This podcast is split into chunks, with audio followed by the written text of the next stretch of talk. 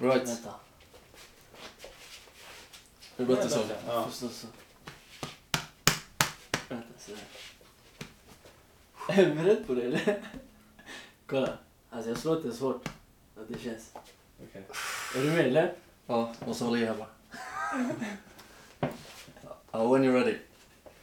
Gick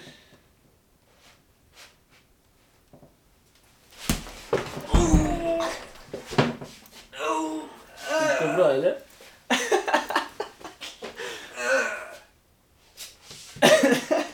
Gick det bra?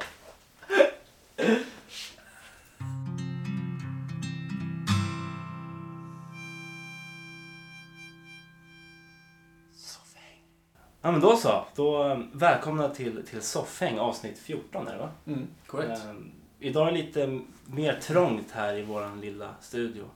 Jag, jag har fått en anledning att, att städa och, och, och dammsuga. Ja, det var, det var på tiden. Det var riktigt jävla vi skitigt. har ju en, eh, en gäst med oss i studion. Det är inte vem som helst, det, utan det är ju svenska mästaren i thaiboxning, Hamza. Yes. Eh, Hamza Boganza. Yes. Yes. Välkommen! Tack så jättemycket. Ja, kul att du ville komma hit. Tack för att du får vara med. Eh, jag tänkte så här, vi kan väl ta det lite från början. Du, du är ju svensk mästare i thaiboxning. Yes. Och du har inte bara vunnit SM-guld en gång. Nej, fem gånger. Fem gånger till och I med. två olika viktklasser. Två olika viktklasser. Ja. Okej. Så... Nej men när jag, när jag började fightas så, så, så började jag i 57 kilo. Mm. Och, eh, och då, ja, då... Då vägde jag typ 57. Mm. Sådär. Sen så började jag gå upp i vikt. Jag vägde 58. Du minns ju hur smal jag var Ja, fotbollstiden. ja, absolut. Jag väger 58, 58 och ett halvt. Jag vägrar banta till 57, börjar köra i, 56, Ja. äh, i 60. Och, eh, så jag har, jag har olika titlar i, från 57 kilo fram till 65. Så det är fyra olika viktklasser. Där, jag, Okej. har olika, där jag håller olika bälten. Okej, det. Skandinaviska Bälten. bälten, svenska titlar och världsmästartitlar. Ja. Så, ja och... Eh, fan tänkte jag säga? Ja.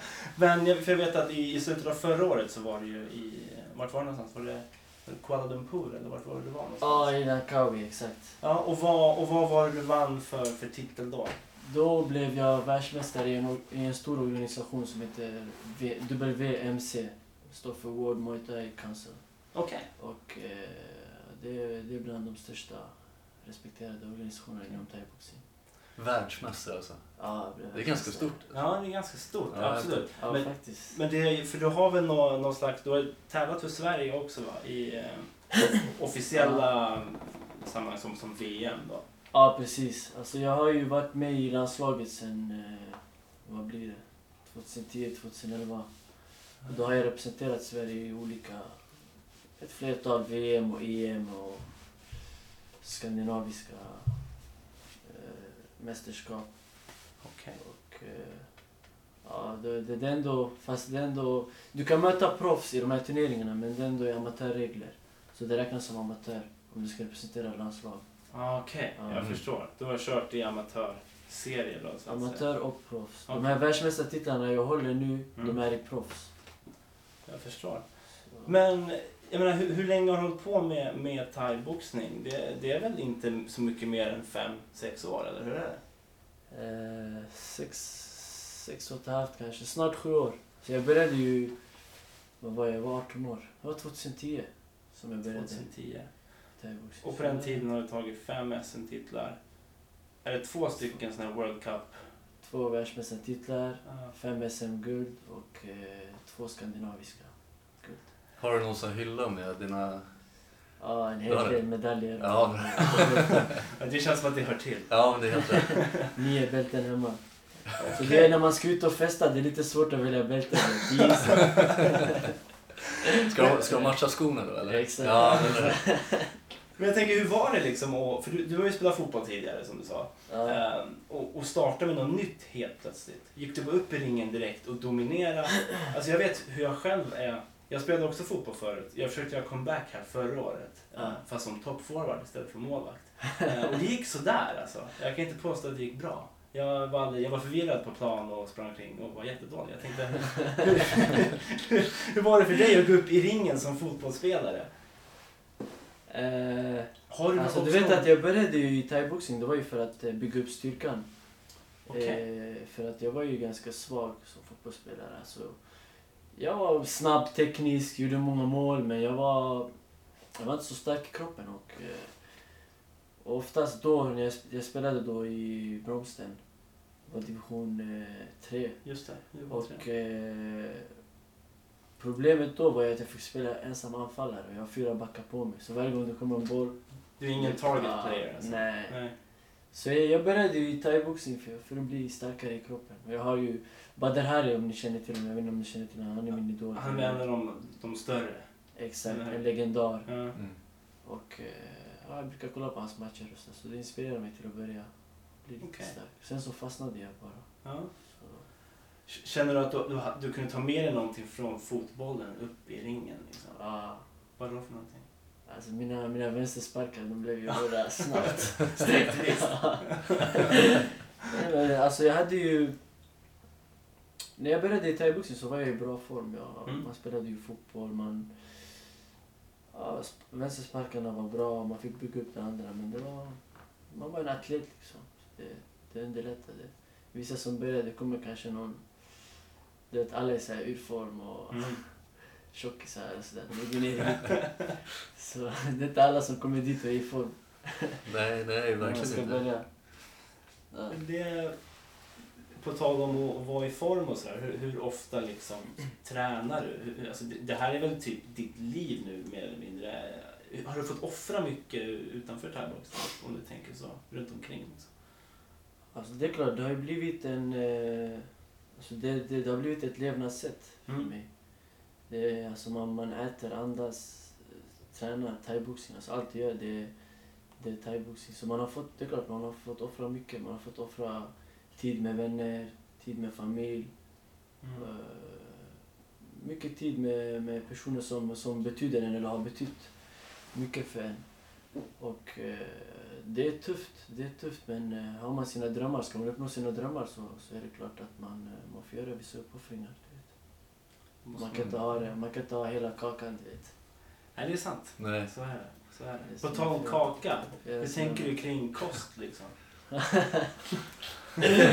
Skön övergång. Ja, jag. Jag vet inte om du är klar, men jag tänkte... Du verkar vara rutinerad. Jag vet inte, kost är ändå, det är ändå viktigt. som- Det är ändå vad man har Ah. hört. Jag vet inte, jag tänker på typ... Ja men som du sa, att du tänker liksom mat och liksom träning, allt tänker på thaiboxningen. Är det någonting som du tänker extra du liksom med kosten? Är det något viktigt? eh? Allt förutom kosten typ. Okej, ja, men då så. Det, det, det är väldigt intressant alltså. Ja. För jag tänker, Nabil Bahoui, eh, känner du honom? Ja.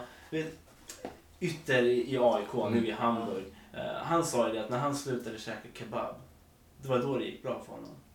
Eh, Men för mig det har varit så här att jag... Jag har aldrig följt reglerna. Nej.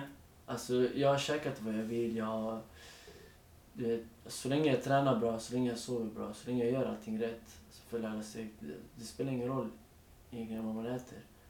Fast när det kommer, när det börjar närma sig match, då börjar jag tänka på kosten och liksom försöka hålla vikten och Ja, lite sådär. Vänja mig och träna med en helt annan kost typ några månader innan.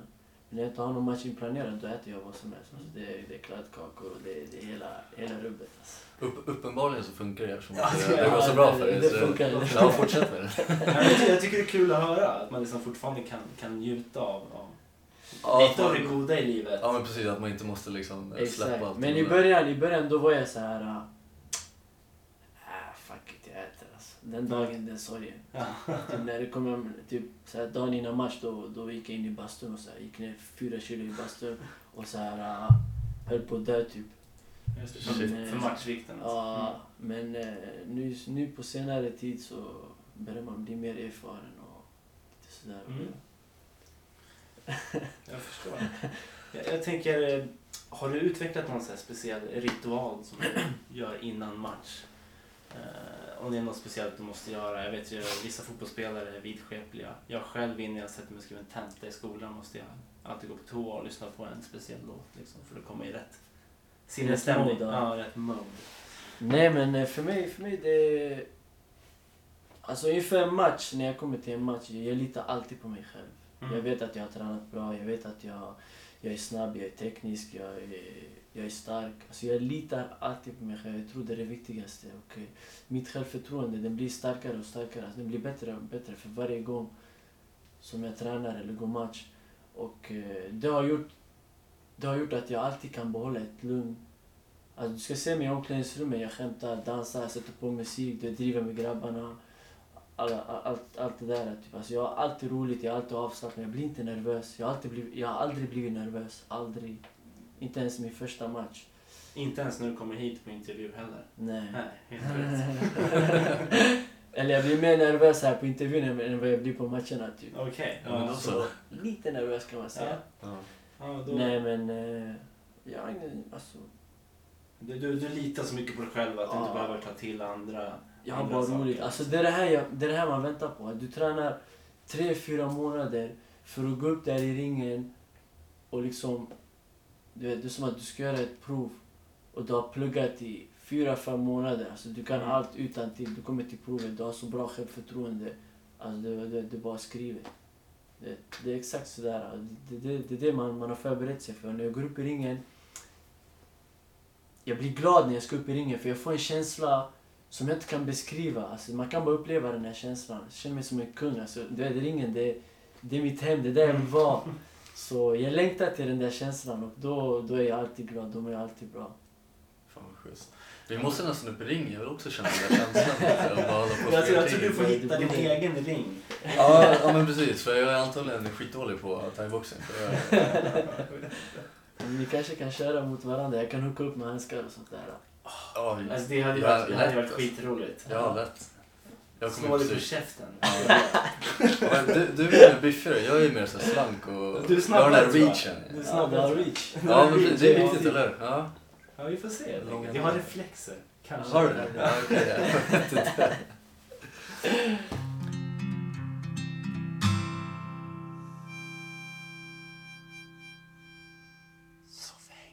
Ja, men jag tänkte kolla lite. Du kommer ju från Rinkeby, eller hur? Yes. Är du uppväxt där, eller har du alltid bott där? Ja, jag är född och uppväxt i Rinkeby. Jag, eh, ja, jag föddes i Rinkeby i princip. Mm. Så tog de mig till Karolinska och kollade om jag levde och typ, tog mig tillbaka till Rinkeby. Typ. Så jag, jag är riktig förortare. ja. Har du, har du upplevt några fördomar liksom, med att du kommer från just förorten eller Rinkeby som liksom, du har märkt av? Eh, har du fått liksom... Alltså förut, det var ju... Man har alltid haft... Jag vet inte, jag har alltid haft så här problem med att söka jobb och såna här grejer. Det har inte riktigt varit min grej. Jag har kunnat söka så här äh, 10-20 jobb och inte fått ett enda, du vet. Jag har inte ens fått svar, du vet. Vissa gånger jag blir så här, ah, fuck it. Du vet, men... Eh, fördomar... Nej, inte så värst alltså. Det beror på. Ja. Ibland alltså, ibland man sitter i det Brudar frågar en vart är du ifrån? Jag är från Rinkeby. De bara, jag sitter och svarar det är- typ sådana fördomar. Ja, förstår. här grova du vet. Nej, för att vi, vi är uppvuxna i eh, Rissne som ligger liksom bara... Tvärs över. Ja, verkligen. Ja, det är ett stenkast. Ja, man, jag har i alla fall växt upp med att allting har varit skitlugnt. Liksom. Det Rissne eller i förorten, det har bara varit jättebra tycker jag. Men just när man berättar för folk vart man kommer ifrån så liksom höjer de på ögonbrynen och bara oj. Liksom. Ja, är det därifrån? Ja, vad händer Alltså, där? Jag, liksom? jag, Nej, men det, det är det räcker med att man träffar någon från, från centrala Sundbyberg som Ja. bara är fem minuter härifrån. Ja, och, och, och man får liksom ett oj, okej. Fastän det är runt hörnet. Ja, det är egentligen Ja. ja, Det är helt det, sjukt. det är sjukt. Det är egentligen bara ditt stenkast därifrån där det är så olika Ja. inställningar. Eh, men, men men, men precis. inom idrotten, alltså inom thaiboxningen, där har du inte fått på någonting eller? Jo, alltså inom idrotten då, då har det varit mycket. Alltså, det har Mm. varit... Eh, folk ser ju oss som... Eh, som... Jag vet inte hur jag ska förklara det. Som, du vet, som... Som djur kan man säga. Mm. Alltså, jag, har fått, jag fick en fråga förut av media. Typ, kan du jämföra thaiboxningen med, med gatu, gatuvåld eller gatubråk? Alltså jag bara... Stjärna. ja, verkligen. Ja, jag tror jag stod så här helt tyst i en minut så här, med öppen mun. Jag fattade ingenting. Det är, då, det är då man ska droppa micken och gå därifrån. Ja, exakt. Ja, verkligen. Och så egentligen, jag vill inte ens... jag vill inte ens fortsätta svara Nej, på den här nej. För jag, jag tänkte om, om, om första frågan börjar så här, det kan bara bli värre. Förstår du? Det kan Ja, inte bli bättre. Nej. kan jämföra med livet på Ja, gatan. ja, liksom. precis. Fan, bara, måste Ja, stryka exakt. den frågan i och för sig. Liksom. Nej men alltså jag har fått den frågan och eh, man, får, man får ständigt så här eh, försöka representera sin sport på bästa möjliga sätt och eh, förklara att eh, det är inte som man tror. Så det, det har till och med gjorts undersökningar om just thaiboxning att det är, den, det är den bästa sporten att träna både fysiskt och psykiskt. Mm. Och eh, alltså vi tränar, vi tränar jävligt hårt. Vi tränar hårdare än fotbollsspelare till exempel. Och vissa andra, en hel del sporter. Alltså vi tränar så jävla hårt. Vi är förberedda för att kunna ta emot stryk och ge stryk. Det handlar om två idrottare som, eh, som liksom går upp i ringen och visar sina färdigheter. Alltså utnyttjar sina tekniker på bästa möjliga sätt. Den som är smartast vinner. Man måste vara smart. Man- Alltså, det finns läkare på plats. Mattan är mjuk ifall man skulle ramla på den. Eh, domare i ringen och runt ringen. Eh, en tränare som har en viktig roll. Och eh, tjocka handskar, skydd. Alltså det är liksom... Man skyddar sig när det kommer slag. Man flyttar, man är försi- Man är liksom... Hur ska jag förklara? Man är fokuserad, man är... Du vet, man är med på det. Ja. Mm. Man vet vad man kan vänta sig helt enkelt. Det är, det är samma som ishockey. Man, liksom skydden, man vet vad man ska göra. Tacklingar får man ta.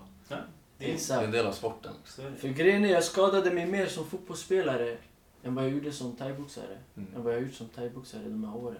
Mm. Och jag... Ja, ja. Och liksom, eh, du vet, för jag, tror, jag tror mest för att jag inte varit med på de här, jag har inte varit beredd på det. Typ, jag har kunnat få en armbåge bakifrån. Eller en, eh, du vet, dobbar i knäna och kapningar bakifrån och sådana saker. Så jag gick hem, jag minns varje träning jag hem, jag hade ont i hälen eller knät eller någonstans. Så... Ja, men det är ju så, alltså, fotboll är ju en mer oförutsägbar sport på det, alltså just i kontaktväg. Exakt. Liksom. Eh, Exakt. Så, så absolut. Så Ja, jag har en polare som hockeyspelare också. Mm. kollade på hans hockeymatch förut. Han fick en kapning bakifrån. Alltså han gjorde 360 i luften Mm. och landade. Ja, Jag det, lovar, det såg så läskigt Ja. ut. Jag tänkte, jag bara, han är död. ja, men, men, det, det händer ju inte i en thaiboxningsring. liksom. Nej. Nej. Nej, ishockey var väl ett dåligt alternativ när du säger det. Men jag, jag vet inte själv hur det är. Det är jättevåldsamt. Det. Nej men jag förstår ändå vad du menar. Så det är ändå en sport där man har mycket skydd på kroppen. Ja. Och man är ändå med på att det kan komma. Men han hade sån otur att det kom bakifrån. Mm. Så han det skulle, ta emot, han skulle ta emot pucken. Och så får han kapningen bakifrån. Så. Ja. Ja, det är omöjligt att liksom förutse det istället för Exakt. när man står i ringen öga mot öga. Liksom, och Ja, man kan ju förutse. Alltså din motståndare hamnar ju inte bakom dig. Så. Nej, förhoppningsvis. Ja. Förhoppningsvis inte, de var jävligt illa ute. De var knas. jävligt dåligt. De var jävligt dåliga. Ja. Ja, då är det knas. Jag tänkte också nu eh, hur det känns att vinna, för du har ändå vunnit liksom, vad är det, femte guldet, femte SM-guldet och så har du vunnit mer titlar och ett VM-guld här också. Känns det lika speciellt som första gången du vann eller har du blivit liksom, är du fortfarande lika ödmjuk som första guldet? Eller var du ödmjuk efter Var du ödmjuk? Eller var du kaxig och liksom bara gick fram Alltså det är det? ju mer det är bara att jag går dit typ som Messi och tar emot guldbollar. Ja. Ja, men liksom, Jag skojar är din bara. plan att göra som Zlatan och prenumerera på Guldbollen? Liksom? Ja. Typ, det är det jag gjort. Ja. Nej men man, man, är alltid, man är alltid öd- ödmjuk och håller, försöker hålla fötterna på jorden. Och, eh, som sagt, varje mästare har varit en utmanare någon gång. Och eh, för mig att, eh, att vinna SM-guldet och försvara den, alltså försvara den har varit svårare. För Mm. att eh, folk börjar ju veta vem du är och börjar kolla upp dig, kolla dina matcher och liksom studera dig. Och. Träna och komma med en gameplan för att kunna vinna över dig. Mm. Så det blir, det blir svårare att kunna hålla kvar bältet än att vinna det. Mm. Så det har varit så att man har behövt träna hårdare och, och sånt där. Men Så då uppskattar man i stort sett guldet ännu mer. precis eftersom att man har fått behålla det efter... Precis. Så de här senaste har varit eh, skönare känsla tycker Mm. jag. Vad kul att höra ändå.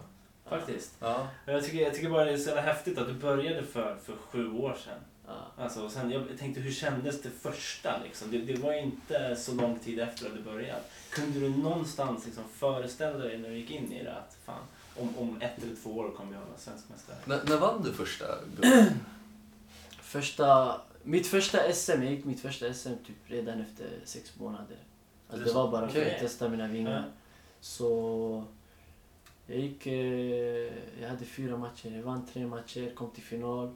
Förlorade, förlorade finalen, en jättejämn match mot en, eh, en veteran, en riktigt rutinerad kille.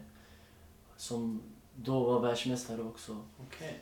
Så efter den matchen då visste alla vem jag var. Mm. Du vet, jag var färsking, alltså ingen visste vem jag var och såna här grejer. Och... Eh, ja, sen då fick jag känna lukten av, eh, alltså smaken av eh, guld, vet. Mm. Att jag var så nära det. Så det, det, det, det fick mig att träna hårdare och, och jag tänkte fan, ingen ska få någonsin sno det här guldet från mig en gång till. Och eh, året efter då kom jag i toppform och Ja. körde över alla. Fan bra jobbat alltså. Ja, imponerande. Ja, verkligen. Helt sjukt. Också, du, eh, Folkets pris. Yes! Du är nominerad. Ja, jag är nominerad till två priser faktiskt. Årets mästare och eh, Folkets pris på Kampsportsgalan. Ja. Så Men du har vunnit det förut va? Va? Har du vunnit det förut? Jag vann Folkets pris förra året. Förra Vad, året. vad innebär Folkets pris? Eh, det är det enda priset på galan där eh, folket i Sverige väljer vem som ska vinna priset. Alltså genom att rösta. Mm. Så det är folket som avgör vem vinnaren är. Och I det det är alltså, priset. Alla andra priser, då är det en jury som, eh, Okej. som delar ut priset. Mm. och då är det Så alltså det kamp, år, eh, det. Kampsportsgalan. Det är Kampsportsgalan, Mm. precis. När, när är den här galan eller? Den är 19 mars. 19 Det är- mars. Ja, vad är det? Sex dagar eller? Ja, så Ja, sex dagar. coolt. Hur, hur eh, röstar man på dig? Vad gör man det? Eh, man går in på www.kampsportsgalan 2016.se och trycker på Hamza och rösta. Och det kan man göra varje dag, eller hur? En gång varje dag. En gång varje dag. Då tycker jag att ni gör det. det. Det ska vi, det, ska vi först och främst göra. Ja, vi ska göra Eh, det. Och sen ska ju såklart alla som lyssnar göra det. Att ni inte ens har gjort det. Jag borde gå Ja, men, jag har gjort det. Jag har gjort det, ja. Gjorde det igår. Självklart. Ja. Allt annat vore ju pinsamt. Okej, det är lugnt. Jag stannar. Bra, bra. Ja, men återigen, rösta på Hamza. Han förtjänar det. Absolut. Tack så absolut. mycket. Jag uppskattar det. Uppskattar alla som röstar också. Har du Det någon... blir Sean Banan som delar ut priset. Var, vart är det Så jag, vill, jag någonstans? vill gå upp på scen och driva med Ja. Vart är det själva galan någonstans? Galan kommer hållas på Berns. Berns, okej. Okej. Berns salong. Ja. Var det mycket folk där förra året? eller? Eh, det var slutsålt. I år också. Det är redan slutsålt. Ja. Jaha, Alla okej. biljetter. Så det är mycket folk. Det är, mycket, det är, Ja. det är riktigt bra faktiskt. Och det är mycket eh, stora namn, som dig själv alltså. Ja, alltså det är många nominerade. Det är många bra namn. Det är Sanny Dahlbäck, Alexander Gustafsson, Nili Latifi. Alltså det är, Mm. det är världsklass eh, fighters i brasiliansk jiu-jitsu, Mm. thaiboxning, MMA. Alla slags sporter. Men enda namnet man behöver lägga på minnet är Det är just Hamza. det. Ja. Precis.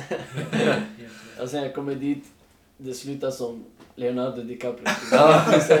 Nominerad i två kategorier, inga priser.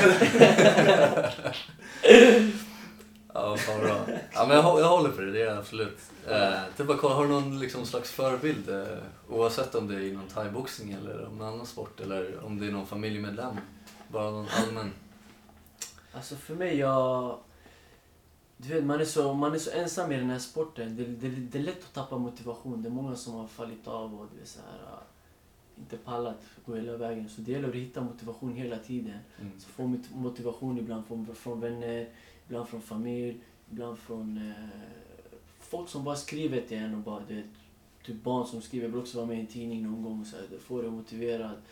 Och folk från andra städer, lite äldre som du vet pushar, vad fan, grymt, fortsätt kämpa och sådär. Så det är, det är olika slags motivation som man får, man får suga till sig. Mm. Och för mig, det som motiverar mig, det, det är när jag ser någon, när jag ser någon kämpa, när jag ser att det går bra för någon. Alltså, det spelar ingen roll vad det är. Inom jobb, skola, eh, sport. Så jag blir motiverad. Mm. Jag blir glad när jag ser någon, eh, när jag ser någon vilja lyckas eller lyck, hålla på och lyckas och bli framgångsrik. Det gör att jag vill bli ännu mer framgångsrik. Mm. Och eh, jag älskar det. Alltså, jag, blir, jag blir jävligt glad för folk. Och det gör mig mer, alltså det sporrar mig typ till att bli ännu bättre. Istället för att, som vissa folk, de går och hatar på en, du vet. Mm. Så mm, för mig är det tvärtom. Det kickar på ett helt annat sätt. Ja. Men det är Har- för, ja. Har, du- har du mött mycket hat nu när vi börjar prata om? Att det är folk som... Eh, Alltså jävligt mycket hat.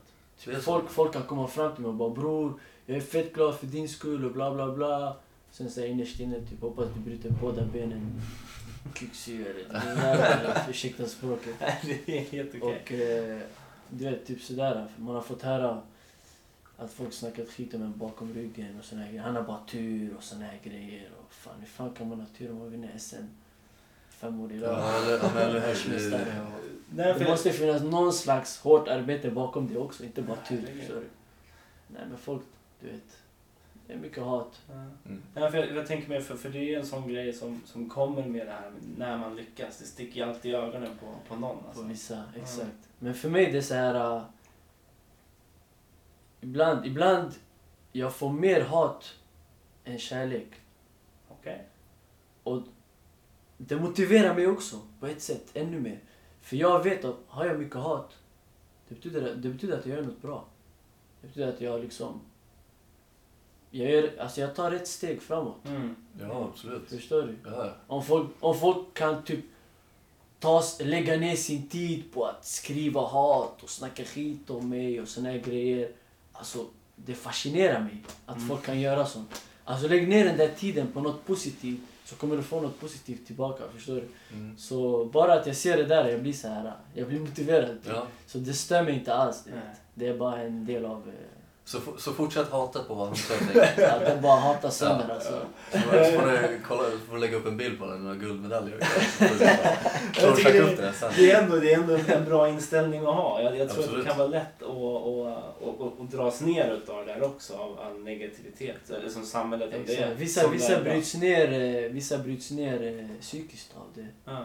Och, men för mig, alltså det, ibland när jag blir arg då jag tänker fan, ah, jag er ännu mer att hata på. Mm. Fortsätt hata. Mm. Alltså det blir, jag blir bara motiverad av det. Men visst är det fascinerande att folk kan lägga ner så mycket tid och Alltså, energi? Jag förstår inte. Alltså jag blir helt... Nej, det är helt sjukt. Ja, Ja, det är så- mina idoler alltså. Men som du, som du sa, de lägger den energin på att lyckas själva med någonting istället. Ja. Fan mycket bättre allt hade Lägg, lägg er Ja. energi på att försöka ta ett SM-guld. Ja, Fem år i rad liksom. Ja. Så kanske ni lyckas. Ja, Istället för att hata på varandra. Eh, vad gör du annars liksom? Eh, utanför thaiboxningen? Eller är det bara thaiboxning som gäller? Eller vad gör, vad gör du på Ja, din så jag fritid? pluggade ju lite förut i fastighetsmäklare. Okej. Och eh, sen så vart det för mycket. Jag jobbade, eh, jobbade heltid då som fritidsledare och plus thaiboxningen. Så det, jag fick inte till det. Jag försökte verkligen få till alla tre. Och liksom, du vet, det var som att jonglera med, med de här tre bollarna hela Ja. tiden. Och, du vet, jag, jag har keff koordination så... så en av bollarna fick försvinna, du vet. Nej men jag tog en paus från plugget och sen dess har jag inte återvänt. Men eh, vi får se. Alltså, det var min dröm då när jag gick i sjuan. Att vilja bli fastighetsmäklare. Okej. Och, eh, så jag jobbade Alltså i gymnasiet, jag Ja. jobbade, du vet jag kollade vad behöver jag för att, för att bli fastighetsmäklare. Det var 15 i snitt. Alltså jag fixade 15 i snitt i andra ring och sov typ hela tredje ring. Så jag har alltid varit förberedd på, Ja. jag har alltid haft så här mål och, för att kunna uppnå mina drömmar men eh, tyvärr alltså den drömmen, det är vissa drömmar de blir så här. ah, Du får en ny dröm som börjar betyda Ja. mer. Och eh, nu det finns det, jag har andra mål, alltså jag känner att jag vill liksom kanske öppna ett eget gym och träna folk och leva på det. Och Ja. Det är också bra. Men vi får se, vi får se. För- Alltså fastighetsmäklare, okej. Alltså jag känner jag skulle lätt köpa ett hus av Halmstad som det är nu. Du skulle... Nej, lätt, inga Ja. problem. Hur, hur kommer det sig att det var just fastighets... Alltså, att det var just jag fastighetsmäklare? tror jag hade hasslat dig.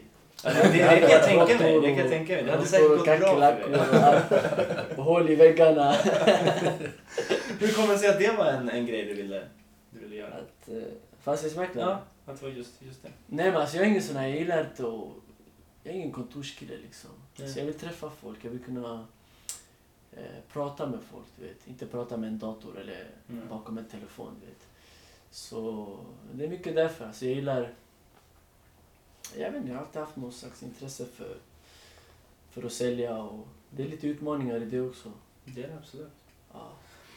Uh, Du sa ju att du en period var, var ungdoms... F- Fritidsledare. Fritidsledare. Precis. Eh, hur, hur, ser du, hur ser du själv på, på din roll som liksom förebild för andra ungdomar och övrigt i liksom för- förorterna? Ja, jag försöker vara, alltså, jag försöker vara den bästa förebilden jag kan vara. För jag, alltså, du vet, alla vi... Det spelar ingen roll... Du vet, jag, ni, alltså det spelar ingen roll vem det är. Alla har någon yngre som ser upp till en. Någon lillebror eller någon lillebrorsas kompis eller småbarn från trakten. Så det är upp till oss själva hur vi vill vara. Om vi vill vara en bra förebild eller en dålig förebild. Och jag själv, jag är uppväxt med keffa förebilder. Alltså med, med kriminella förebilder. Och jag har fått se så här äh, Rolex-klockor och guldkedjor och feta bilar. Och jag, det är så här, äh, jag har trott att de här grabbarna är så jävla tuffa. Och jag trodde att man typ... Man, man blir respekterad av, av att folk är rädda för dig och sådana saker. Och eh, det gjorde till att det gjorde att jag började tänka som barn, alltså som 13-14-åring. Fan, jag blir stor. Jag ska äga min ort. Mm. Jag ska äga Rinkeby. Typ sådär. Och jag vet att varje unge idag har samma tanke. Och ser upp till, de som ser upp till fel personer i alla fall. Och jag försöker ändra på den där bilden. Och vara den där förebilden jag inte hade. Så jag försöker få folk att vilja lyckas. Var det än är. Alltså plugg, jobb, eh, sport, vad det än är. Bara de ser en person som... Jag försöker bara sätta du vet, små spår. Jag kan inte göra så mycket mer än det. Bara man kan rädda en från gatan så... Då har man lyckats. Ja. Alltså jag, jag, jag tror det är jätteviktigt att ha, ha alltså, förebilder som har kommit från ändå den här på något sätt tuffa Exakt. jargongen som är liksom. eh, Och, och, och faktiskt komma fram och lyckas och exakt. vara som ett bra exempel för mig. För det finns ju många, många kända och framförallt liksom ambitiösa olika förebilder från förorten. Man tänker såklart på, på Zlatan. Liksom. Annars har du ju Martin Mutumba från Rinkeby också. Exakt. Milosevic från, från Rissne. Var massa olika musiker där också. Vad, vad, vad tror du att det beror på? För det, det verkar liksom frodas talang ändå någonstans. Alltså det... Jag tror att det finns så mycket talang i orten. Det har alltid funnits så mycket talang i alla, alla förorter. Specifikt. Jag vet inte vad det är. Det är någonting, alltså det... Jag tror det är den här drivkraften att vilja kämpa och ta sig ur och... Typ, det där lilla extra, det får jag nog liksom kämpa ännu mer. Men, eh, men sen så har man sett... Alltså jag ser varje dag när jag går ut, jag ser så många så många spilda talanger, du vet. Mm. Alltså, så här bort, bortspolade talanger. Jag blir så här... Fan, alltså när jag var liten, den här, den här grabben, jag brukar se upp jag brukar tänka fan den här kommer bli fotbollsproffs. Den här kommer bli basketproffs, den här kommer bli vad det än är, pingisspelare, vad det än är. Typ. Så, och nu man ser dem i, i centrum stå och flumma och du vet, kasta bort sitt liv, typ. inte ens jobba, alltså ingenting. Och... Ja, jag vet inte vad det är men... Nej, men det är det som är... Alltså det, det finns ju jättemånga exempel på folk som har lyckats men alltså det, det känns som att det finns tiotusentals gånger mer som skulle kunna komma fram om de bara fick, alltså- chansen och möjligheten kanske också. Precis. Alltså när man var yngre, alltså man... Det har ändå varit så att man har varit... Typ som fotbollsspelare, de gillade inte den där tekniska och eh, snabba och du vet sådär. Typ. Nu, numera, då är det så. Många Ja, har fått chansen Ja, ja, ja. känner jag. ja alltså när, när, när vi Så var yngre så var det ju... Då ville man ju inte Man skulle vara stor och stark och bra fys och kondition och typ sådär. Du vet. Man behövde inte vara... Jag vet, det kändes så i alla fall. Mm. Speciellt i de lagen jag har spelat. Men eh, jag tror att det finns så många talanger men det finns inget hårt arbete. Alltså det är ingen som, det är ingen som är villig att gå hela vägen. Det är ingen som är villig att offra. Alltså de lyssnar på sina vänner, du vet. De, de drar ner varandra typ. Mm. Så här, fan. Alla tänker om inte jag lyckas, han ska inte heller lyckas. du Vet. Han, ska, han ska softa här med mig. Du vet. Mm. Så grejen är, eh, talang kan du komma långt på. Men du kan inte gå hela vägen på talang. Du måste ha hårt arbete Mm. också. Du måste jobba hårt. Det finns folk som har jättelite talang men jobbar så jävla hårt och de lyckas. Mm. Förstår du? Och det finns folk som har så mycket talang i världen men jobbar inte. Nå tyvärr. Alltså det, det kommer ta dig till en viss nivå bara. Det kan Mm. inte ta dig alltså, över, över strecket. Och- Och där är ju också intressant med de som påstår att du bara haft tur. Ja, men precis. Ja. Ja, det. Ja.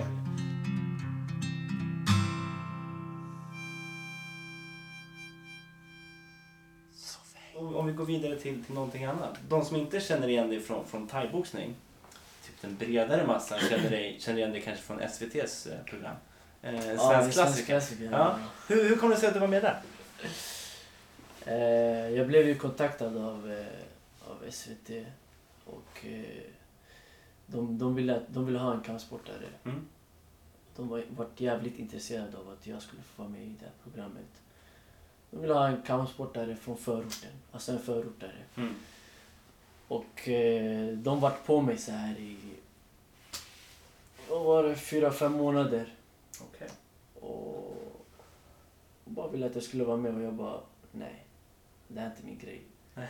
Jag springer och åker skidor. Ja, vad, vad vad innebär en svensk klassiker eh, först och främst?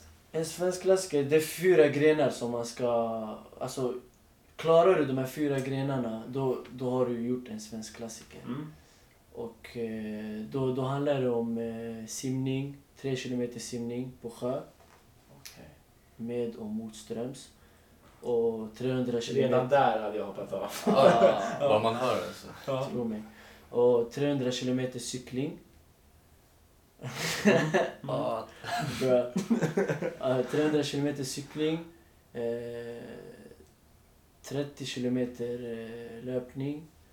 Och eh, Vasaloppet då som är, vad är det, 90 kilometer. ja det är något sånt där. 99 mil. Ja, Ja. Shit, alltså. 90 kilometer. Och du, du gjorde alla liksom till... eh, Eh, Är du klart alla eller? Först gjorde jag cyklingen. Och då... Jag fick ett samtal precis innan loppet. Det var en halvtimme innan loppet skulle gå igång. Och då gick min farbror bort. Okej. Och eh, det var jävligt jobbigt och... Du vet, alltså jag står ju där med min cykel och jag ska cykla. Mm. Så får jag samtalet. Nej. Och problemet är att du inte får ha någon musik eller någonting.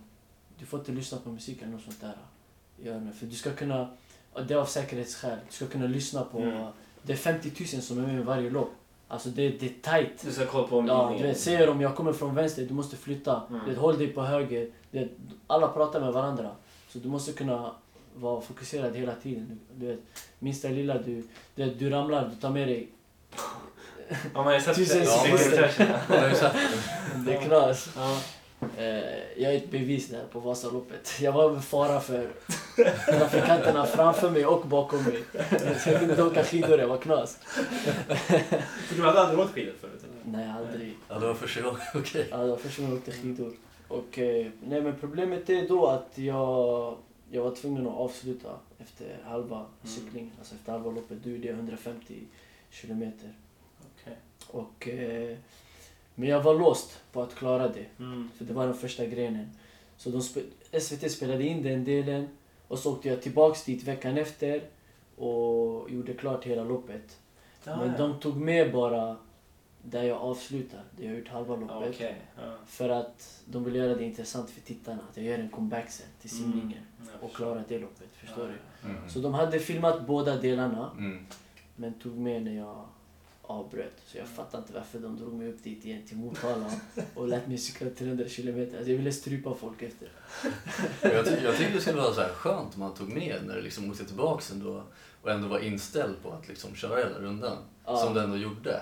Exakt. Men så sket du med det helt plötsligt. Men det, men det måste Nej, men de ville höja min, alltså just min karaktär, den var, den var intressant. Det var, Ja. Jag fick så mycket feedback efter det. Det var så många som taggade mig överallt på Twitter och Ja. Facebook och Instagram och du vet, bara skrev meddelande höger och vänster och mycket hat där också. Ja, jo. Alltså de ville skydda mig från allt hat. De bara du är från förorten, du är invandrare, det kan hända att du får mycket hat. Jag, vet, jag bara jag skiter i hat, jag har fått hat hela livet, jag bryr mig inte. Vad fan vad cool du är. Helt nojiga du. Nej men sen, jag gjorde cyklingen. Och sen andra delen då, då simmade jag. Jag klarade hela simningen så det var en bra comeback. Okej, ja. Och efter simningen då, då var det, då var det Lidingöloppet, 30 kilometer. Så jag sprang. Klarade det också. Och så kom vi till eh, Vasaloppet. Favoritdelen. Ja. Alltså. Hur, hur, hur var det? Hur var det? Alltså det började med... Loppet börjar med världens backe. Alltså jag svär, du kan inte åka upp för backen. Du måste gå upp så här. Jag vet inte hur jag ska förklara. Ja, just det. Åt, åt sidan. Ja, man har sett Du måste ha-. Som ja, en anka typ. Ja, diagonalt. Ja, som en anka, typ. Och det är fullproppat. Alltså du vet, de här loppen, de blir slutsålda på en halvtimme. Ja, ja, ja. Mm. Då har alla bokat sina biljetter. Mm. De som ska göra Vasaloppet. Alltså det är så populärt. Och det kommer från, folk från hela världen. Alltså från, från Holland, Belgien, Danmark. Alltså du ser folk med olika flaggor, och här Mm. norska flaggor. Mm. Det, alla gör de här loppen. Det, det är världens största lopp. Eh, så det var jättepopulärt. Och du vet så här, äh, alltså jag, jag försöker ta mig upp från backen, glider ner. Folk får ta emot mig och alla gnäller på mig och det, det var katastrof. Till slut, efter typ, vad var det, 45 minuter jag kom upp från den jävla backen. Alltså du vet, jag kan inte förklara hur brant den var. Den var så jävla brant. Efter den där backen, då, skulle man, då blev det, det blev rakt. Mm. Och problemet är, jag har, sagt, jag har sagt till dig, när jag har tur, då har jag tur. När jag har otur, då har jag jävligt mycket otur. Det var det värsta vädret i, i, Vas, alltså i Vasaloppets historia. På hundra år. Det har funnits i hundra år. Ja, det Alltså det här var det värsta. Det var slask, inga spår. Det brukar finnas spår. Ja. Mm. Man följer spåren. När man, eh, inga spår, det var slask. Alltså, katastrof. Alla bara gnällde. Och tänk mig jag på skidor, Vasaloppet med mina yogabyxor, de här Ja. tightsen. Ja. Alltså, nice. såg bara löjlig ut. I Jag tänkte det måste varit underhållande att kolla på. Eller? Ja, men ja. Så... ja, Jag kunde åka lite grann. Ja. Men eh, jag kunde inte bromsa. Så folk fick ta emot mig. Så jag åkte in i folks ryggar. Alltså, det, Hur bromsar man på skidor? Jag har ingen aning. Går det? Kan man göra det? sådär inåt. Inåt? Inåt, emot, okej. alltså en, eh, Och varje gång jag gjorde så här inåt, det blev... Importerad Ja. Ja. varje gång jag gjorde så här, det Ja. blev... jag, blev sådär. Eller? Alltså jag, fick, jag bromsade ju genom att lägga mig. Slänga mig ner. Det är en bra Det är taktik. en klassiker. Det är en bra taktik. Ja. klassiker. Men det var katastrof för du har ju folk bakom dig. Ja. Så folk åkte in i mig och ramlade och du vet. Någon, någon gör volt så här över mig, du vet, landar och bara kollar på mig och gnäller, typ helt röd. Ja. Det, var, det var kul alltså, det var en upplevelse. Det var jävligt många tittare. Jag tror de hade typ så här uh, uppemot nästan tre miljoner tittare Mm. På alla Mm. fyra delar. Så det var fyra delar som släpptes. Lite mindre än vad vi har per, lyssnare per Ja, avsnitt. lite mindre. Ja, vi, Snäpp- vi ligger på ungefär fem miljoner per Mm. avsnitt. Ja. Men jag tänkte nu när vi ändå är inne på den här liksom, eh, svenska klassikern och grejer. När du, du satt och sprang Lidingöloppet. Ja, Eh, vilket är tre mil. Och så är det 30 kilometer va? ja precis. Jag, eh, jag, jag har ju gått med på att springa halvmilen i alla fall. Halvmara? Halvmaran heter det. Halvmilen. Halvmilen. jag har gått med på att springa 5 kilometer. Halv, halvmilen, jag gör den i sömnen. Ja, okej, okej. Ja, jag, jag har gått med på att springa halvmaran, heter det. Ja. Eh, som är 2,1 mil. Okej. Och jag har aldrig sprungit så långt på en sträcka liksom. Och jag vet inte, du, du, du är ute och löptränar ganska mycket va? Ja, alltså jag springer mycket så här explosiv eh, löpning, så här intervaller. och Intervaller, sånt. ja. Det är inte så här långa, långdistans. eh. Du vet, inför alla de här loppen, jag kom helt otränad. Jag hade inte tränat på något av dem. Okej. Så det var, det, det var bara psyke och hjärta, förstår du? Ja. Så, alltså jag fick mjölksyran typ så här efter 5-10 minuter. Alla andra de kunde hålla på. Men eh, det var mycket att man fick kriga och om du ska göra den där halvmaran så försök hålla samma tempo hela tiden och inte för snabbt, inte för sakta. Så håll ett tempo där du, där du känner att jag kan köra så här hela loppet. Mm. Ja, för jag tänkte be om Det- lite det- tips. För vi, ja, vi var ute och sprang ganska mycket för några år sedan i alla fall. ja, Nu har inte jag sprungit på några år. några år, nej. Så jag tänkte typ så här, varför går jag med på det här? Jag, Det kommer vara ett helvete. ja. Ja, det är som man säger, det är väl psyke och hjärta du får ta med dig. Ja. Men sen är det också på min födelsedag, jag fyller 25 på samma dag. Så Alltså problemet är att du kan träna, du kan träna hur mycket som helst inför de här loppen. Alltså det, det, det kommer inte hjälpa dig så mycket. Det kommer hjälpa dig en viss del, alltså kanske till milen. Men sen resten av loppet, då är det hjärta och psyke som gäller. Då måste du ha bra psyke, bra hjärta. Så indirekt så säger jag åt mig att inte träna överhuvudtaget för jag kan ta mer än den. Skit i Ja. träning. Jag skojar. Jag gillar det, jag Det, gillar det kan vara intressant. SVT, kan ju liksom skicka ut ett team som får springa efter dig och filma. Nej, Det kan vara, det underhållande. Nej för Det fan. kan jag fan. inte. Nej. Nej men tro mig, de där smärtorna efter, de kommer göra ont. Alltså jag minns att jag efter Lidingöloppet så vart jag med, med en kompis och eh, ja, vi skulle åka ifrån, vi skulle åka hem. Jag hade med mig min bil och eh, från Lidingö då var det trafik. Alltså du vet, det var så mycket folk där på loppen och alla skulle Mm. hem efteråt. Ja, det var så mycket trafik och du vet, alltså jag har inte automat liksom. Jag, jag får växla, bromsa, växla, bromsa. Du vet alltså koppling, bromsa, koppling, koppling, koppling, gasa, koppling, gasa. Och till slut, alltså mitt i motorvägen, jag fick kramp. Jag fick kramp i låret. Jag minns att jag öppnade dörren och slängde ut mig från bilen och skrek till min kompis kom, kom och hjälp mig med Lyft upp benet. Och bilen där bak, de bara vet. Ungefär Alltså- som i Vasaloppet. Ja men genomgående. Typ, ja, jag började få Bromsar så slänger jag ur. Du möter hat överallt. Det är Ja, helt sjukt. Helt sjukt. Nej men det, det var kaos. Ja. Men eh, från den här svensk klassiker, jag jag vet ju att det, det var ju, de har ju flera olika idrottare som är med. Ja. Är det några du har kontakt med än idag? Liksom? Uppstod det Alltså jag, är- jag är bra vän med Rickard Herrey. Eh, Gyllene skor. Det är lite otippat. Det är så jävla otippat, jag älskar det. Alltså vi hängde som mest. Ja. vi, det, vi älskar varandra. Mm. Är skön? Det, är- alltså, det, han är så jävla skön. Och Jag kan tänka mig. eh, Jag kan också tänka mig det. lite kontakt med Emma Igelström också. Som är typ sju gånger världsmästare i simning. Hon är jävligt, ja, hon är jävligt duktig. Hon- OS och sånt där tror hon, men jag vet inte, jag missade. Jag träffade henne på Idrottsgalan faktiskt. Jag fick ju inbjudan dit. Mm. Och så ser jag henne så här bordet bredvid. Det var, det var kul. Alltså man vet, man håller kontakt med, med, med, de som, med deltagarna via Facebook och Mm. pratar. Och, vad heter det? Rickard Herrey har ju blivit så här uh, manager på Hard Rock Café i, här på Sveavägen. Ja, okej. Så jag åker förbi där, hälsar på. Vet. Ja, man är vänner liksom. Fan, ska vi åka förbi, kan vi åka förbi Harrock och säga att vi känner Hamza?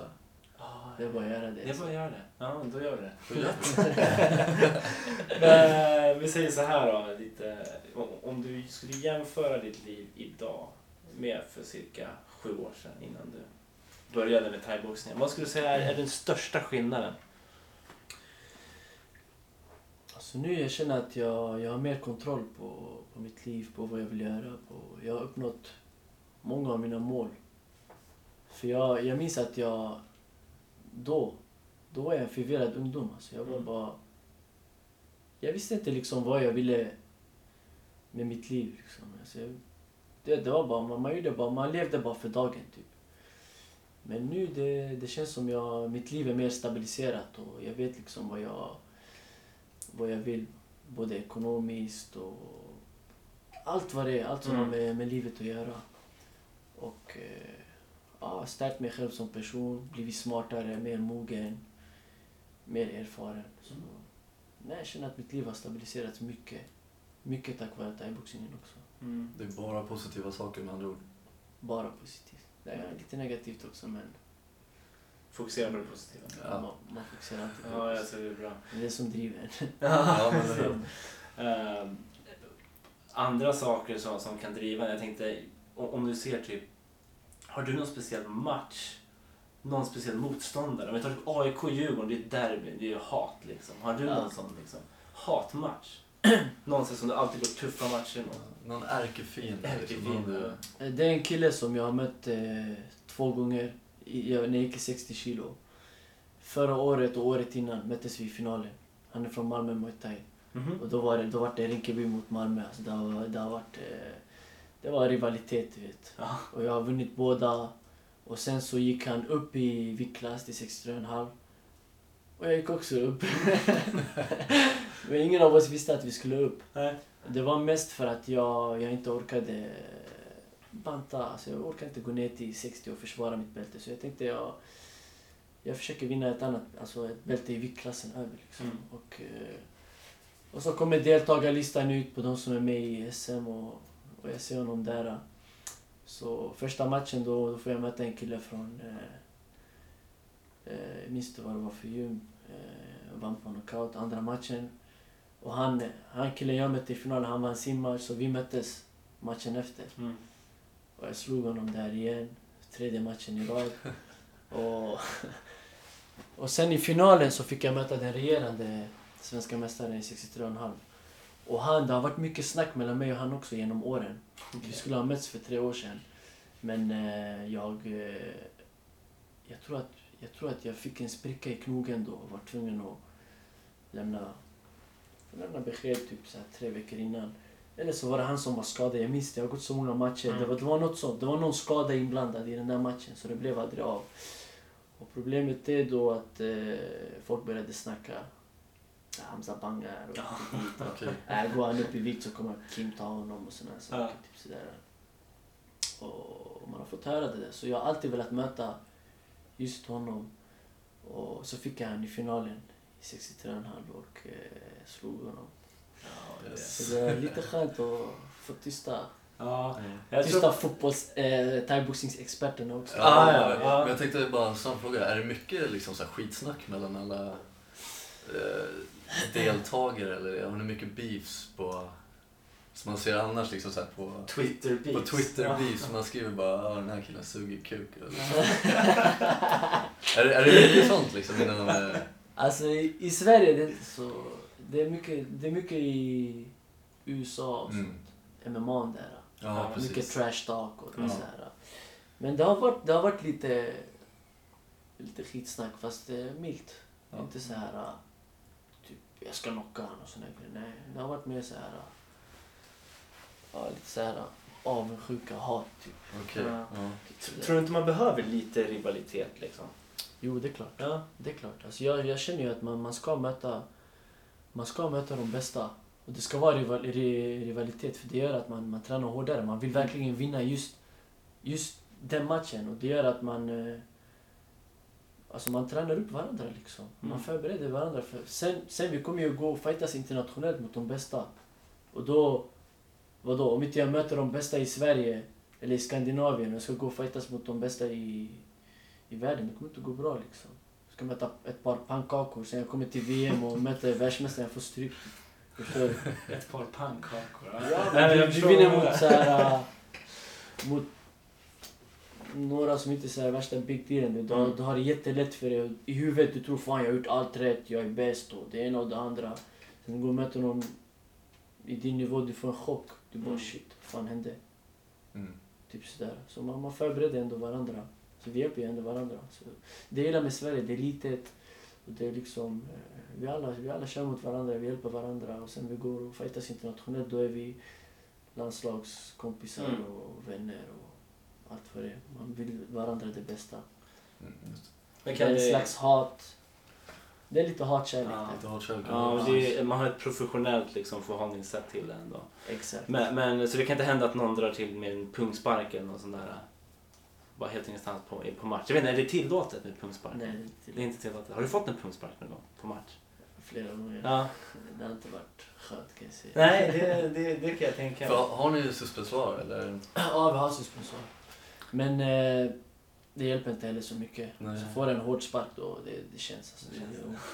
Ja, för vi tänkte på det. Det måste ju ha hänt några gånger. Liksom. Det är väldigt mycket liksom, sparkar och, och knän och allt. Saker och ting som flyger Ja, läskigt nära liksom. Ja. Så är Det klart. Ja, det händer, det händer. Men om, alltså, möter du någon Möter du någon som är på din nivå, som är duktig, då handlar det mycket om timing och det blir en teknisk fight, man, man håller sitt avstånd, Mm. man siktar. Alltså, du vet, sparkar jag på låret, då siktar jag på låret. Jag siktar inte mellan benen liksom. Men möter du någon bara så här som någon nybörjare, alltså ganska färsk kille, då blir han så här Ah, du vet, det är bara för att överleva. Han bara Mm. sparkar och slår samtidigt och du vet, han kan slå dig i, mellan benen också. Typ sådär. Mm. Då, då kan det förekomma att man... Men när det händer, Ibland alltså, bara otur. ber man om ursäkt då? Ja, oftast. Eller kör man bara vidare? Och... Alltså, man, man försöker vara en bra... Det har hänt för mig, då, då har jag bett om ursäkt. Mm. Så här. Mitt i matchen medan man håller på att döda varandra. Ja. man bara förlåt. Sorry.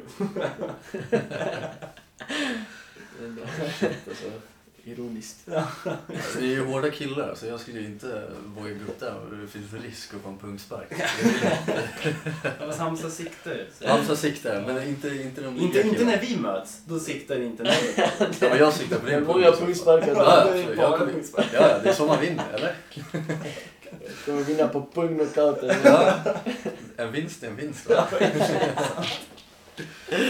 Det är också att kolla liksom, eh, hur länge kan man hålla på med thaiboxning på en professionell nivå? Finns liksom någon, liksom någon ålder där de flesta slutar, de lägger av liksom. Nej men jag klarar inte med det för... Alltså, vissa, vissa slutar ju när de blir... Eh, när de når där 35, 36, när de på att närma sig 40, då blir de lite segare och de, är inte lika, de, är inte, de känner inte sig lika snabba som, eh, som innan. Men det är från person till person. Alltså, jag har sett 35-åringar som är så här, pff, håller världsklassnivå, alltså, som, som slår sönder ungdomarna. Typ. mm. Mm. Så det, det, det som... eh, Det, det finns ingen ålder i sporten. Det är liksom, allt ligger i huvudet, vet. Så ja, det är från person till person. Vissa, vissa känner ah, jag börjar bli äldre, jag börjar bli segare och såna här grejer. Men allt ligger bara i huvudet. Mm. Så, Hur känner du just nu? Är du bara på väg upp eller? jag känner att det, det går uppåt. Mm. Så du tänker inte lägga av snart alltså? Nej. Nej, bra svar. Eh, Jag tänkte också kolla liksom, eh, nu när vi snackar och sitter nära orten som vi säger. Eh, Har, har, har, vi någon liksom, eh, har du någon person som man ska hålla koll på? Som kommer från orten? eller Vem är nästa, de- liksom? Västerort eller Ja. något sånt. Vem är nästa? Vem, vilket är det nästa stora namnet som finns? Eh, Oavsett vad det är. Västerort, det finns en, en kille från, eh, från Hallonbergen faktiskt. Han Mhm. heter Abdallah Habib. Och eh, jag tror att han kan... Eh, han har utvecklats så mycket. Han, man blir bättre och bättre för varje träning. Och jag tror att han kan nå, han kan nå höjder. Och det är inom thaiboxning också eller? Han är thaiboxare, Ja. ja. Så, nej, men det finns alltså i våran klubb det finns en hel del talanger. Och de lär sig. Du vet, vi, jag försöker lära dem så mycket jag kan. Jag också när jag började i thaiboxning, det var inte fan- fanns så många som kunde lära mig förutom mina tränare. Så det, det är viktigt att folk du kör med, att de säger typ, vad är det för fel du gör och hur du ska röra dig. Och liksom, ger dig bra tips. Mm. Folk som är på en bra nivå. Och jag hade inte det där. Jag fick lära mig lite den hårda vägen. Men nu, de andra grabbarna, har bra förutsättningar. De, de kör med oss Mm. andra och... Eh, ja, Så det finns alltså namn att hålla utkik. Det finns en framtid. Det finns en framtid. Men jag tänker, en ja, hel del. du, du, ni har ett, ett bra team bakom er alltså? Eller hur är det? Ja. Ni har ett bra, bra gäng som kör. Alltså jag känner att, jag, jag känner att det, vi är världens bästa team. Och det, jag tycker att det är viktigt att känna så. För man har sett så mycket, så många fighters bara lämna klubbar fram, fram och tillbaka och inte uppskatta vart ifrån man kommer och vem, vem det är som, en, som, har, som har tränat en liksom och gjort en till den man är. Och jag försöker alltid vara lojal och jag tror att ska man bli världsmästare så ska man vara lojal till sitt eh, team och eh, lita på sina tränare. Då ska det vara någon tränare som, som har varit med länge, som mina tränare, de har varit med sedan 80-talet. De Okej. kan thaiboxning ut och in. De lever för det här liksom. Mm. De har varit i Thailand flera gånger. Och... Så det ska ändå vara någon som liksom kan, inte någon sån här, som sagt en pannkaka som öppnar ett gym efter typ, så han har gått så här, två matcher. Han kan inte Mm. ens slå en vänster höger. Han öppnar gym, tjänar pengar på det. Då är det förståeligt att folk lämnar, folk kanske vill utvecklas och bli bättre och ha mål med, med thaiboxningen. Och, eh, jag känner bara att eh, det är viktigt att vara lojal. Och det är det som kommer ta en hela vägen. För det, det, är de, det är de du har varit med från början. Det är de som alltid kommer tro på dig som mest. Det spelar ingen roll om du byter klubb. Alltså det, du, kommer inte ha, du kommer ha andra killar där som också har kanske lite stjärnstatus och typ på din status. Och du kommer hamna lite i skuggan där. Och, Mm. liksom, det kan vara både nackdel och fördel. Alltså gräset är inte grönare på andra sidan. Så att säga. Så, Du kommer alltid ha någon som backar dig helt enkelt. Exakt. Ja. Och det är Rinkeby Muay Thai du kör på? Exakt. Mm. Vi är som en stor familj. Ja. Så, alltså, vi är vänner utanför. Vi, Mm. vi hjälper varandra på alla möjliga sätt. Både i ringen, utanför ringen och typ sådär. Mm. Kul att höra. Mm. Som sagt, jag tycker vi ska springa förbi där och Absolut. sparka på den. Ja, det tycker jag definitivt. Ja, Ni är alltid välkomna, det är bara att säga till. Ja. härligt. Jag tänkte också liksom, det börjar väl gå mot slutet så har du någonting att liksom, säga till alla som lyssnar? Vad som helst. Så jag vill bara säga att eh, bara, bara, bara man vill så går det. Så vill man göra någonting så, så vill man ha något, vill man bli chef inom något jobb som du kämpar, du kommer bli det någon gång. Vill du ha bra betyg, jobba med något bra yrke. Om du pluggar, om du lägger ner tid på det, du kommer få bra betyg, du kommer plugga. Om du vill bli en elitidrottare, bara du lägger ner tid på det också, du, du kommer nå det någon gång. Alltså, det gäller, alltså, det gäller att ha hårt arbete och verkligen lägga ner sin själ och hjärta på det. Och, eh, och jag vill säga att eh, typ, man ska inte lyssna på folk. Vet. Alltså, hade jag lyssnat på folk, jag hade inte varit där jag är nu. Jag hade, varit, jag hade stått i centrum, jag hade varit någon som ingen känner till. Typ. Mm. Så att man ska alltid följa sina drömmar och ha ett mål för att kunna uppnå sina drömmar. Så det, så det inte bara blir en önskning, typ jag önskar jag var världsmästare eller jag önskar jag var läkare eller chef på Ericsson. Typ. Mm. Så det blir bara en önskning. Typ. Men har du en dröm och ett mål, lägger upp mål och kämpar för att, för att uppnå de där målen och ser framstegen, då, då går det. Och, eh, du vet, alla som har lyckats, det är människor. Det är inga, det är inga gudar, det är inga superhjältar. Eller, du vet, de kan inte flyga eller slå sönder folk. Alltså, det är ingen film. Förstår du? Så alla som har lyckats, det är människor.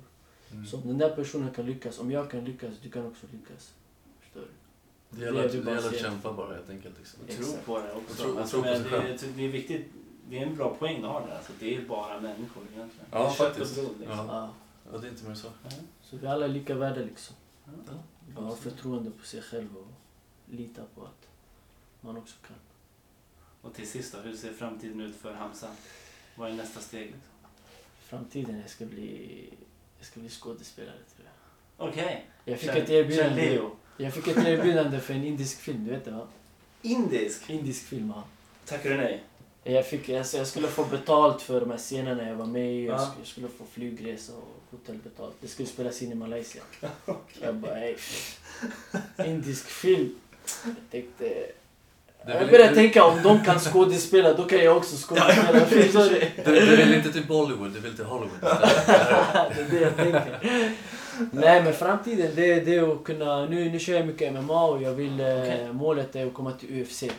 Och då kommer Förstår. det öppnas många dörrar Ja. och Hollywood, du vet, next. Visst är det så.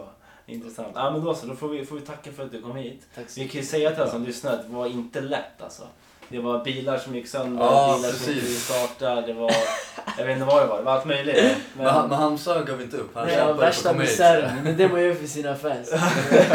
som sagt, vill man så kan man. Vill man så kan man. Eh, men stort tack för att du kom och Tack så alla, alla som lyssnar, se till att gå in på Kampsportsgalan 2016 och, och rösta på Hamza Ja. en gång per dag. Ja, Vi har ju och det var två kategorier också. två kategorier, men det är en kategori man kan rösta Man kan rösta till Folkets pris. Så var det. Annars är det en jury. Just det. Så är det. Stort tack. Tack så mycket. Tack så jättemycket för att jag fick komma.